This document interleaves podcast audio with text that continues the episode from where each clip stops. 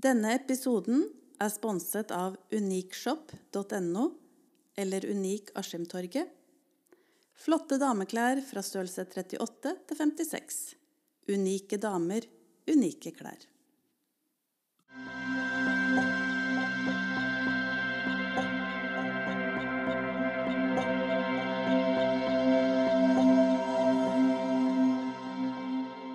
Mitt navn er Lill Gjerstad Andersson. I dag er jeg på besøk hos Trude, og jeg sitter her i sofaen sammen med Trude og hunden hennes Ravn. Eh, Jeg har jobba sammen med Trude tidligere, og hun jobber jo med barn, og jeg veit at hun alltid gjør sitt beste og står på for eh, alle. Og i dag da så skal jeg få høre hun fortelle om noe som jeg kan veldig lite om. Noe jeg tenker vi alle trenger å få mer forståelse for. Så det jeg først har lyst til å spørre deg om, Trude Eller først vil jeg bare si takk for at jeg fikk komme. Jo, bare hyggelig. Eh, så har jeg bare lyst til å spørre Kan ikke du gå en del år tilbake først og bare si Hvem var du når du starta familien din, og hvem blei dere? Ja. Eh, det var at jeg fikk en eh, liten jente i mars 2008. Eh, og småbarnsperioden gikk helt fint. Det var jo en liten tøffing. Typisk sånn guttejenteperson. Mens når hun var fire år, så ytra hun ønske om at hun skulle klippe seg kort. Hun hadde jo lange, lyse lokker. Og, så, og etter at hun hadde mast om det lenge, så fant jeg ut at eh, kjære vene, det er bare hår, så jeg får klippe da. Eh, Allikevel så eh, klarte jeg jo ikke å klippe helt, helt kort, så det ble på en måte litt sånn skulderlangt. Eh, og barnet selv gleda seg jo veldig og så seg jo i speilet og syntes jo det her ikke var noe særlig. For det var jo ikke sånn det skulle være. Det skulle være helt guttekort. Eh, men eh, akkurat da så tenkte jeg at det var kort nok. Eh, på det tidspunktet her så fortsatte jo barnet i Var en guttejente. Eh, allikevel var på en måte garderoben litt sånn typisk det man kan kalle jentefarger. Det gikk i rosa, sånne type ting. Og eh, bare noen måneder senere, eh, det var rett før 17. mai, så jeg tror det var en uke før eller sånn, så spurte jeg om, eh, om hun da på det tidspunktet gleda seg til 17. mai. Eh, Og fikk rett og slett bare nei. Og jeg ble jo så overraska. Ja vel, hva, hvorfor gleder du deg ikke til 17. mai? Nei, for da må jeg ha kjole. Eh, og da sa jeg jo det at det trenger du jo ikke. Hva, hva er det du vil ha? Eh, og da fikk jeg beskjed om at det skulle være grønn bukse. Så sier jeg, men da drar vi jo og kjøper det. det jo, du trenger jo ikke ha på deg kjole på 17. mai. Eh, så vi dro i butikken, fant eh, det Linnea på den tiden ville ha på seg. Og kom jo hjem, og da var selvfølgelig neste at nå må vi klippe av håret. Eh, og da dro vi jo til frisøren, og da ble det helt, helt sånn guttekort, for å si det sånn. Og den perioden der så var det veldig ofte at jeg fikk spørsmål om eh, Ville du vært glad i meg hvis jeg var gutt? Eh, eh, og det, det svaret, det sier seg jo selv, egentlig. Mm. Eh, og som jeg nevnte i stad, så har jo på en måte Lukas, som, som det er i dag, da, har jo alltid vært en sånn typisk guttejente som barn.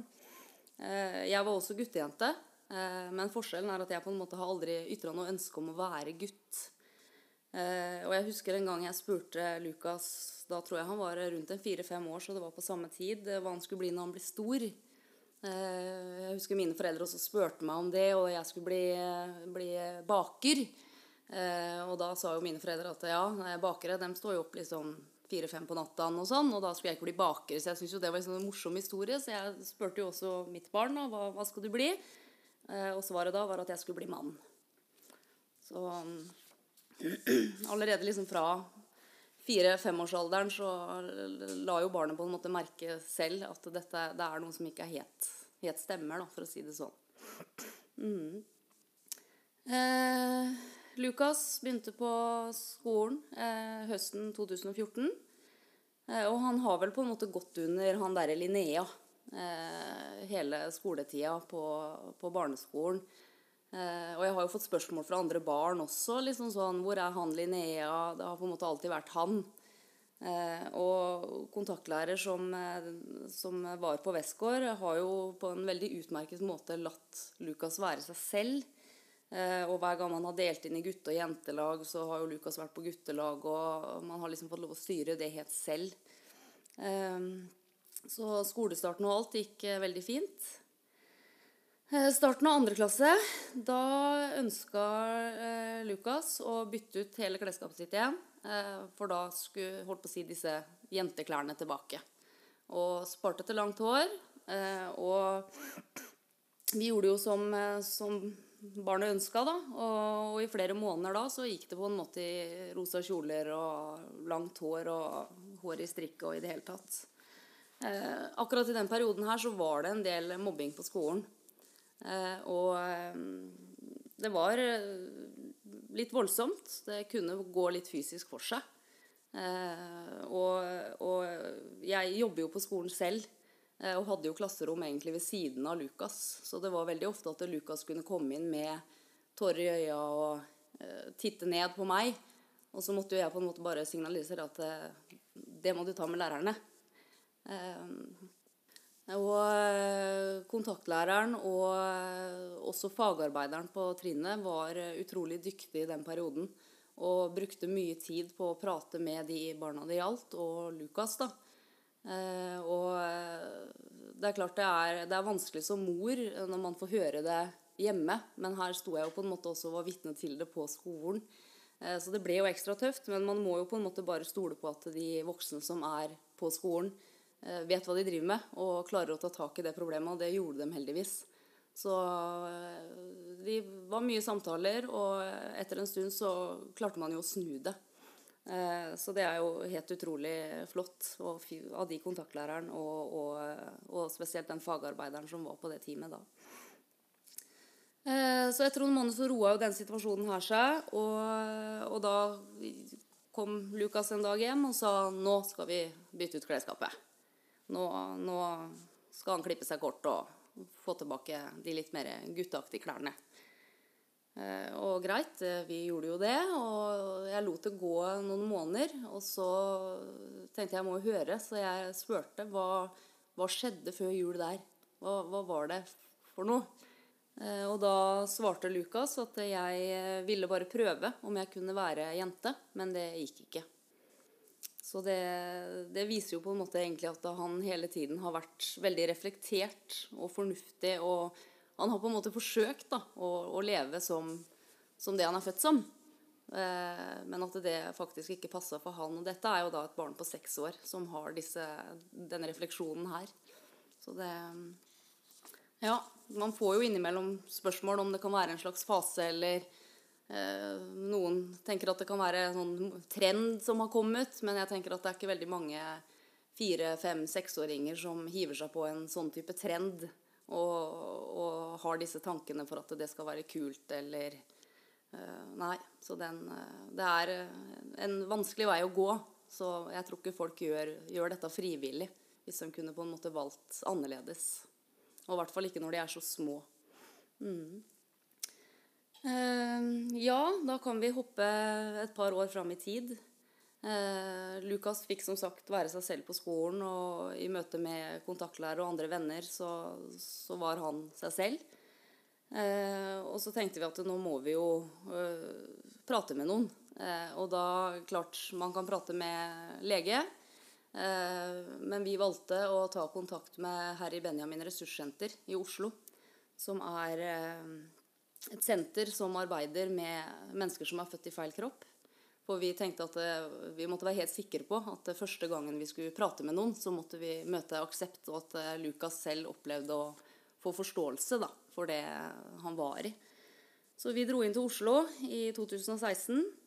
Og der ble vi tatt godt imot av eh, Tone Maria Hansen, som er daglig leder i HBRS, og Michael Scott Bjerkeli, som er tidligere styreleder i HBRS. Og det var jo første gangen vi egentlig snakka høyt om det på utsida av huset. At dette, at dette var følelser som Lukas hadde. Eh, og det var en veldig fin samtale, og vi fikk mye informasjon og holdt på å si veien videre. Så noen måneder etter der igjen så tok vi da kontakt med fastlegen vår her i Skiptvet. Eh, og da sa vi jo det, at vi hadde vært eh, på, i HBRS og snakka med de. Og, og da, da, lurte han på hvorfor kom dere ikke rett hit. Eh, så sier jeg nei. det er jo For å være ærlig så måtte vi være helt sikre på at vi, vi ble møtt positivt. Man vet ikke. Det er mye, mange leger som ikke vet så mye om det. og Første gangen vi skulle prate om det, så var vi helt avhengig av at det, det ble møtt positivt. Eh, og og han Nei, det, det så han ingen grunn til at dette skulle være noe problem. Så han var jo veldig imøtekommende og veldig flink når vi var på møte hos han også. Og vi prata litt om hva, hva, som veien videre for oss der. Og da må vi jo selvfølgelig henvises til BUP. Eh, og da eh, sa han det at eh, det er holdt på å si, en omfattende søknad. Så vi må uansett komme tilbake, så han kunne skrive den henvisninga. Men eh, kan ikke dere bare fortelle litt, sa han da. Og så begynte jo vi å fortelle. Og mens vi sitter og forteller, så sitter jo han og noterer. Så, og det er, eh, det er på en måte Barnet har jo hele tiden vært veldig tydelig i hva han har ønska selv. Og alle disse historiene opp igjennom hvor eh, Sånn som at han har prøvd å leve som jente og ikke fått det til, og, og det, her. Så mens vi satt og, og fortalte, så skrev jo han henvisninga. For som han sa, det er, det er på en måte en, en, sånn tydelig sak. Så vi trengte ikke komme tilbake, for uh, han hadde på en måte alt han trengte for å få skrevet den henvisninga. Så det Ja. um, og da fikk vi jo time hos BUP noen måneder senere. Uh, og da tenkte vi at før vi, før vi, drar det så langt, så må vi jo selvfølgelig også få prata med familien og sånt nå. Og da husker jeg at eh, vi, vi, bor jo et lite stykke unna mine foreldre. Eh, og da eh, En dag som de skulle til Skiptvet for å gå i bursdag hos broren min, så ga vi beskjed om at de kunne komme hit først. og jeg husker at min mormor skulle også være med, altså barna sin oldemor. Og da sa vi det at det er fint hvis dere kan kjøre oldemor opp til Jørn først, for vi trenger å prate med dere. Eh, og de satte seg jo ned, og vi fortalte alle episoder og alle hendelser og alt som på en måte var tidligere. Og de eh, reagerte jo veldig fint og med støttende ord og mye kjærlighet til Lukas, og at dette er jo ikke noe problem, på en måte. Og, eh, og, jeg husker da når vi skulle gå, så tar liksom mamma meg litt til side, og så sier hun det at hvorfor, hvorfor fikk ikke mormor være med? Så sier jeg nei, hun er, jo, hun er jo over 80, da, så det er greit å ikke Vet jo ikke hvordan hun kommer til å reagere på det her. Ja, men kjære vene, kjenner du ikke mormora di? Det er jo en høyt oppegående dame, det her. Hvorfor skal hun ha noe problem med det? Så, så fra familien så har det på en måte alltid vært veldig støtte, da. Så det, det har jo vært veldig bra både for, for Lukas og, og, oss som foreldre, på en måte. Mm. Eh, og så var jeg jo egentlig litt spent på broren min, for eh, familien der er eh, veldig religiøse. Og da er man jo litt ekstra spent på hva slags reaksjon man skulle få. Eh, det er jo en del religiøse som er raskt ute med å dømme. Og, så jeg hadde jo litt sommerfugler i maven når jeg skulle ta det med broren min. Og han reagerer jo på en måte på samme måte som mamma. At det viktigste er at barn har det bra. og eh, uansett så er vi glad i, i Lukas. Og at det ikke er noe uh, Følelsene forandrer seg jo ikke av den grunn. og jeg er jo på en måte ikke religiøs selv. Men si, hvis jeg skulle vært det, så kan jeg på en måte ikke tro på en, en sånn hevngjerrig og ond gud som på en måte setter mennesker til jorda for å, å, at de på en måte skal leve hele livet sitt da, i frustrasjon og sorg og ulykkelighet. Så, og mange kanskje sier det at, eh, at, dette er en test. Test fra Gud for å se uh, om du klarer det. Og jeg tenker at uh, hvis det her er en test, så må det i så fall være en test som heller da er retta mot de som er troende. Eh, og, og, og rett og slett se om deres medmenneskelighet og omsorg og forståelse og inkludering Jeg tenker at det er de som, eh, som denne testen er for, ikke personene som står i det. For eh, en sånn type gud, det, det kan ikke jeg tro på, i hvert fall. Så ja, det står jo det i Johannes at den som er uten synd, den kan kaste den første steinen. Mm. Og hvis dette er en test, så besto i hvert fall min familie den med glans. Mm. Ja. Eh, ja, eh, så etter å ha hatt prat med familien, så fikk vi jo timen eh, på BUP i, i Askim. Eh, og samtalen der inne varte vel ca. 45 minutter. Eh, og vi la det jo bare fram som det var. Eh, jeg tror det er ekstremt viktig i møte med disse instansene, både lege og BUP og ikke minst Rikshospitalet, at man er veldig ærlig. Eh, jeg tror enkelte kan tenke at det overdriver litt for å få fortgang i prosessen. Men jeg tror at det er veldig viktig å bare si det som det er, eh, og, være helt ærlig. Så, så, etter den ene samtalen så fikk vi henvisning til Riksen med en gang. Og jeg vet at mange går mange år eh, i BUP og som sagt, så, så, hvis man på en måte overdriver mye, så, så, kan det hende at de tenker at det er noe annet psykisk som ligger der. Og så må vi nøste litt opp i det først. Mens uh, vi setter oss jo ned, og ja, det, barnet føler at det er en gutt. Ja, er det noe mer? Hvordan er det med venner? Hvordan er det med ditt? Hvordan er det med datt? Nei, alt er bra. Det er bare den ene lille tingen som vi har som et problem, på en måte. At det er der utfordringen ligger. Så jeg, jeg, tenker det er veldig viktig å være ærlig. Så ja, da fikk vi henvisning med en gang. Og eh, jeg tror vel kanskje også det at, at For det er klart, Lukas var jo veldig reflektert allerede som barn på den personen han var, og det at han hadde prøvd å leve som jente, men faktisk dette gikk ikke. Jeg har forsøkt, men det går ikke. Så ja. Så jeg, som sagt så fikk vi henvisning med en gang. Og da eh, gikk det bare noen måneder igjen før vi var på første møte hos eh, Rikshospitalet. Da var eh, Lukas ni år. På Rikshospitalet så møter man jo mange leger og psykologer og psykologspesialister. Og det er klart det er en lang prosess som den pasientgruppa her møter, før en eventuell behandling starter. Eh, og det er også viktig at de møter mange ulike behandlere for at alle behandlerne skal på en måte komme fram til riktig diagnose.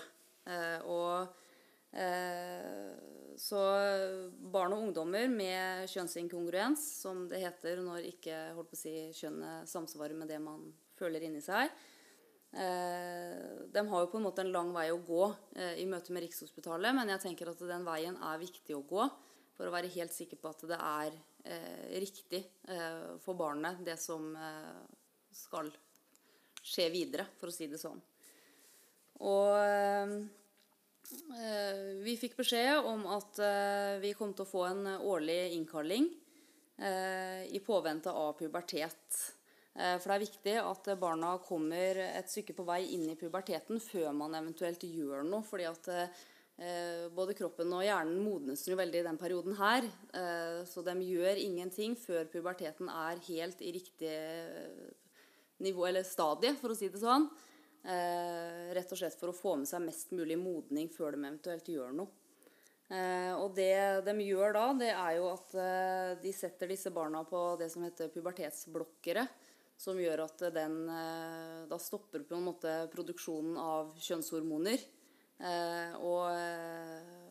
Eh, og, eh, da kan de gå på disse blokkerne eh, fram til de er 16 år. Eh, og da eh, er jo på en måte barna større og kan ta en avgjørelse selv på veien videre. Eh, om man da eh, går over på hormoner som tilsvarer det kjønnet man føler seg som. Og det her er også en sånn vanskelig for mange akkurat den perioden her, fordi at man ønsker jo å komme i gang med, eh, med hormoner. Men samtidig så er det noe med at den Jeg syns det kan være greit at prosessen er som den er. Og jeg tenker at For dette er reversibelt. Så med en gang man stopper på blokkere, så vil den eh, kroppens naturlige hormonproduksjon settes i gang igjen. Så jeg tenker at eh, ved å få satt disse blokkerne, så har vi kjøpt oss tid. Og så kan vi på en måte Så kan Lukas eh, få kjenne litt på, og, så vi er helt sikre på at eh, dette er riktig. For i det øyeblikket du starter på, holdt på å si, eh, kjønnshormoner som ikke samsvarer med kroppen, så er det litt større eh, komplikasjoner, for å si det sånn. Så, så jeg skjønner eh, at man gjerne vil eh, i gang med puberteten sin så tidlig som mulig. Men samtidig så tenker jeg at det er bedre da å være eh, han gutten som kom litt sent i puberteten, enn at vi kanskje gjør skade som ikke vi kan gjøre om på igjen eh, ved å starte for tidlig. Så ja, Men nå var jo ikke barnet på det tidspunktet her i pubertet, så vi hadde jo da denne årlige innkallinga. Så hvert, hvert år i januar så fikk vi innkalling. Eh, møtte ulike behandlere. Eh, og i den tiden her så levde jo da Lukas fint som han der Linnea. Det var fortsatt ikke noe navnebytte på skolen eller sånn. Eh, og vi har egentlig møtt få reaksjoner fra folk rundt oss.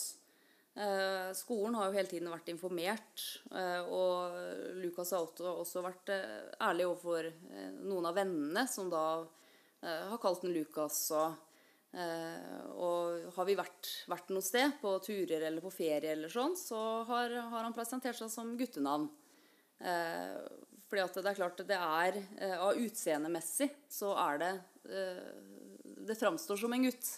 Eh, og istedenfor å skulle stå og fortelle Nei, jeg heter Linnea, hvorfor ser du ut som en gutt? Jo, fordi at jeg egentlig føler meg som en gutt. Og skal liksom stå, så er det mye enklere å si Lukas, og så er det ingen som tenker noe over det. Og det er jo også en lillesøster inne i bildet her, tre år yngre. Og hun har på en måte bare switcha mellom dette helt fint. Har vi vært på ferie, så har det vært Lukas. Har vi vært hjemme, så er det Linnea. Det har liksom ikke vært noe problem eh, i det hele tatt. Så det I januar eh, 2019, eh, da er jo Lukas snart 11 år. Da er vi tilbake på Rikshospitalet. Eh, snakker med en ny psykologspesialist.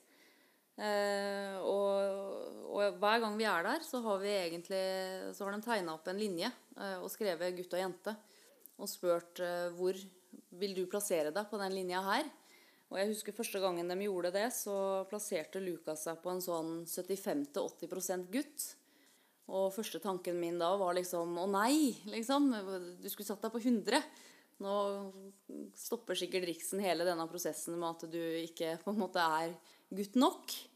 Eh, men så slo det meg at eh, skulle jeg liksom satt meg selv på en sånn type linje, så, så ville jeg jo aldri liksom satt meg 100% jente. Jeg, du har jo på en måte litt trekk eh, hva man liker å drive med osv. Og, så videre, og, og nok en gang tilbake til det med å være ærlig tror jeg er kjempeviktig. For dem heva jo ikke et øyenbryn på det.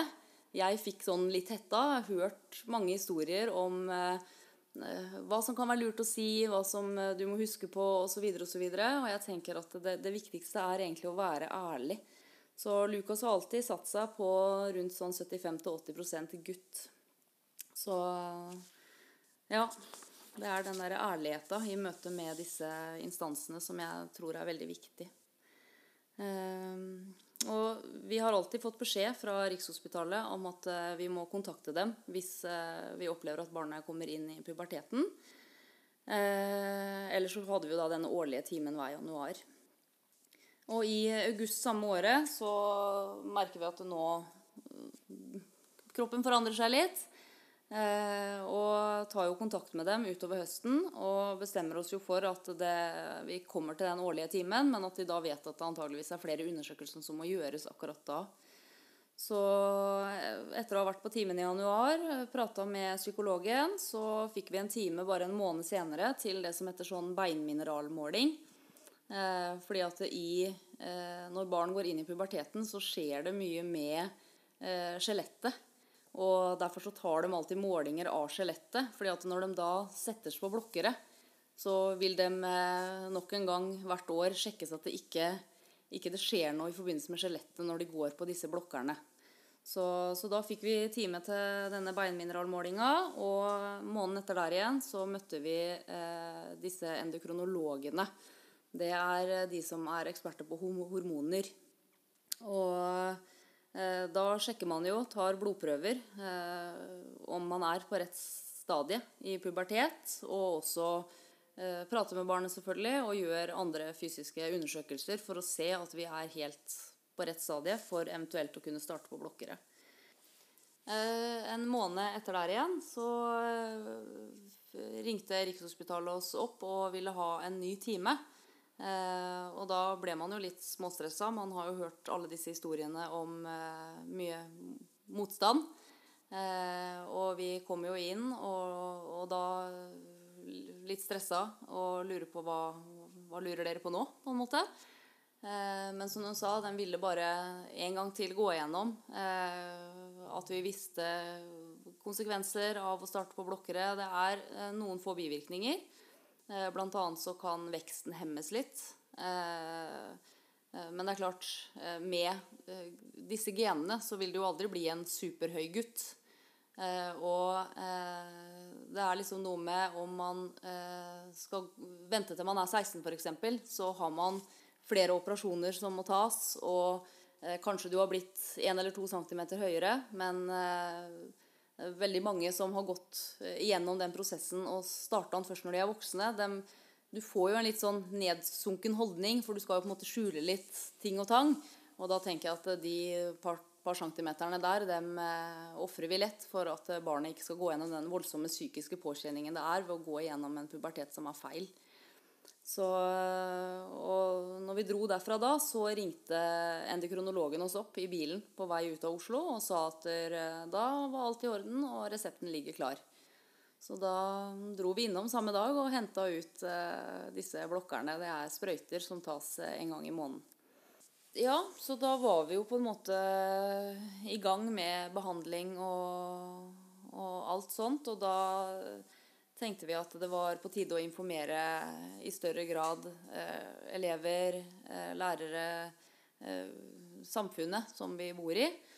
Eh, Lukas selv har jo hatt et veldig avslappa forhold til det her hele livet. Vi har jo ved flere anledninger spurt eh, Kanskje vi skal snakke litt med skolen, eller hva tenker du? Ja, ja, det kan vi godt. Ja, eller tenker du vi skal vente litt, eller? Ja, nei, vi kan godt vente litt. Og så har det gått noen måneder, og så har vi Ja, tenker du? Skal vi snakke med skolen? Ja, det kan vi godt. Ja, eller syns du vi skal vente? Ja, ja, vi kan godt vente. Så veldig sånn Veldig avslappa forhold til hele greiene. Men eh, nå som behandlinga var i gang, så var det på tide å si det til nærmiljøet. Så da eh, tok vi kontakt med HBRS igjen og lurte på rett og slett om de kunne komme på skolen for å informere litt. Eh, og det gjorde de jo. Eh, og jeg ønska jo på en måte at flest mulig skulle få den informasjonen. Så da eh, ble vi enige om at de skulle komme først på dagen og ha et møte med elevene på trinnet. Og så hadde de, eller vi, da, et møte med alle ansatte på skolen etterpå. Og på kvelden samme dagen så hadde vi et informasjonsmøte hvor familie og venner og eh, ja, foreldrene til barna i klassen også var invitert. Så eh, foredraget som de holdt eh, for elevene da første de gjorde, var å delte ut lapper til alle barna i fall de hadde noen spørsmål underveis. Så kunne de skrive ned spørsmåla sine, og så samla de dem inn etterpå. Så det ble eh, anonymt. Eh, og jeg satt jo bakerst i klasserommet eh, og så jo at elevene skrabla litt på disse lappene og tenkte at det Nå må dere høre etter, da. Eh, og ble veldig overraska når de da skulle ha inn lappene. At barna ga fra seg disse lappene. For alle hadde jo faktisk sittet og skrevet ned spørsmål. Så det var jo ikke det at de satt og tegna på dem. eller sånn. De hadde spørsmål som de ønska svar på. Eh, og det som var eh, utrolig morsomt da, var at når de sto og leste opp eh, spørsmåla som barna lurte på, så var det som regel barna som rakk opp hånda og svarte på spørsmåla selv. Så det var liksom ikke noe, noe problem. Jeg husker en av spørsmåla var jo om man kunne få barn. Og da begynner jo disse fra HBRS og skal forklare hvordan det kan løses. Eh, og det kommer jo hender opp, og en av barna sier at eh, ja, men man kan jo adoptere. Og en annen sier at eh, jo, jeg har hørt om sånn at man kan sette inn sånn egg og eh, Så de, de kom jo på en måte med alle disse løsningene selv, så, så disse representantene fra HBRS var jo nesten helt rørt etterpå hvor eh, imøtekommende og hvor eh, greit alt det her var. Så det mm. Eh, Etterpå, som sagt, så holdt vi jo da dette foredraget for eh, lærerne og ansatte på skolen. Eh, Og da starta jeg med å fortelle litt om historien til Lukas. Og det ble jo selvfølgelig en berg-og-dal-bane av følelser, og det kom tårer og i det hele tatt. Og som jeg sa, det er jo ikke fordi man er lei seg. Men det er liksom noe med at man egentlig er ganske stolt av det barnet som har vært så åpen og ærlig og tro mot seg selv, og har på en måte delt det med oss. Eh, Så ja, det er eh, Jeg er imponert over det lille mennesket. Så det mm.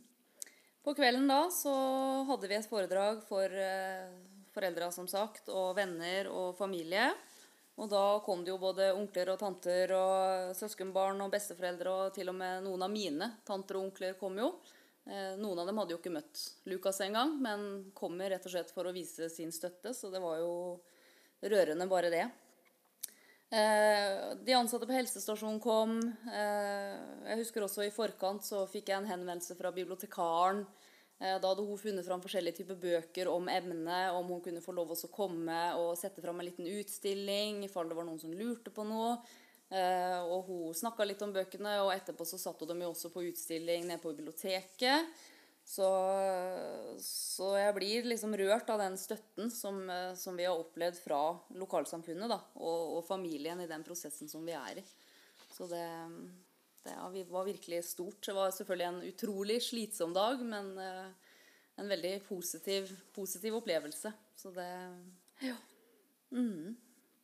Eh, husker den eh, eh, foredraget, så eh, avslutta jeg rett og slett med et sitat. Jeg har en venninne, Therese Gundersveen, som er kunstner, som har eh, laga noen bilder eh, i forbindelse med Pride-festivalen i 2018.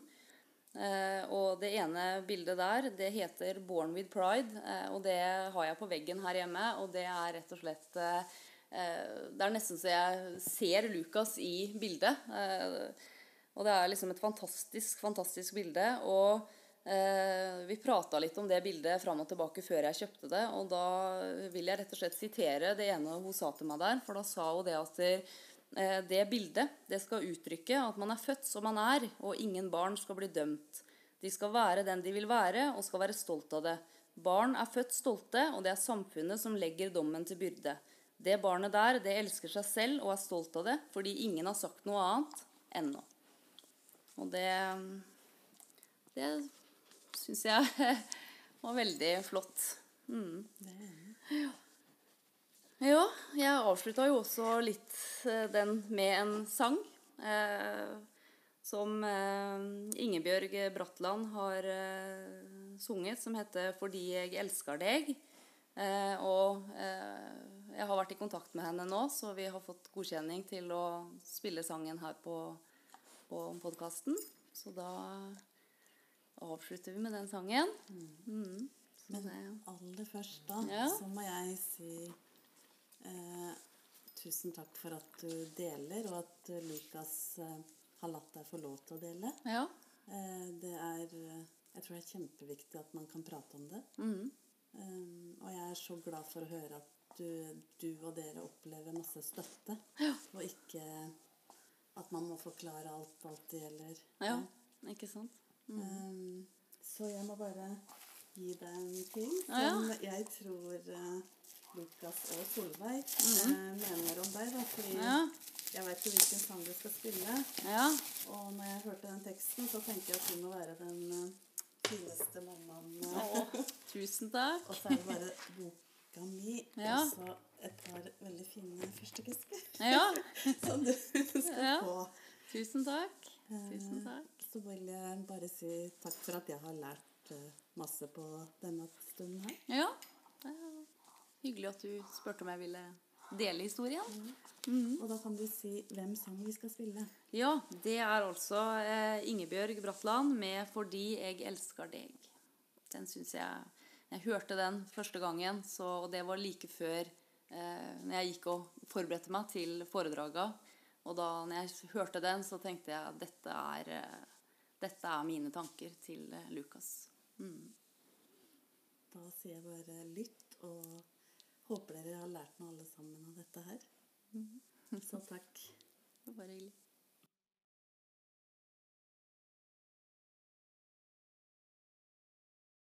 Når regnet slår imot deg der du går, og når du ikke veit i armerom,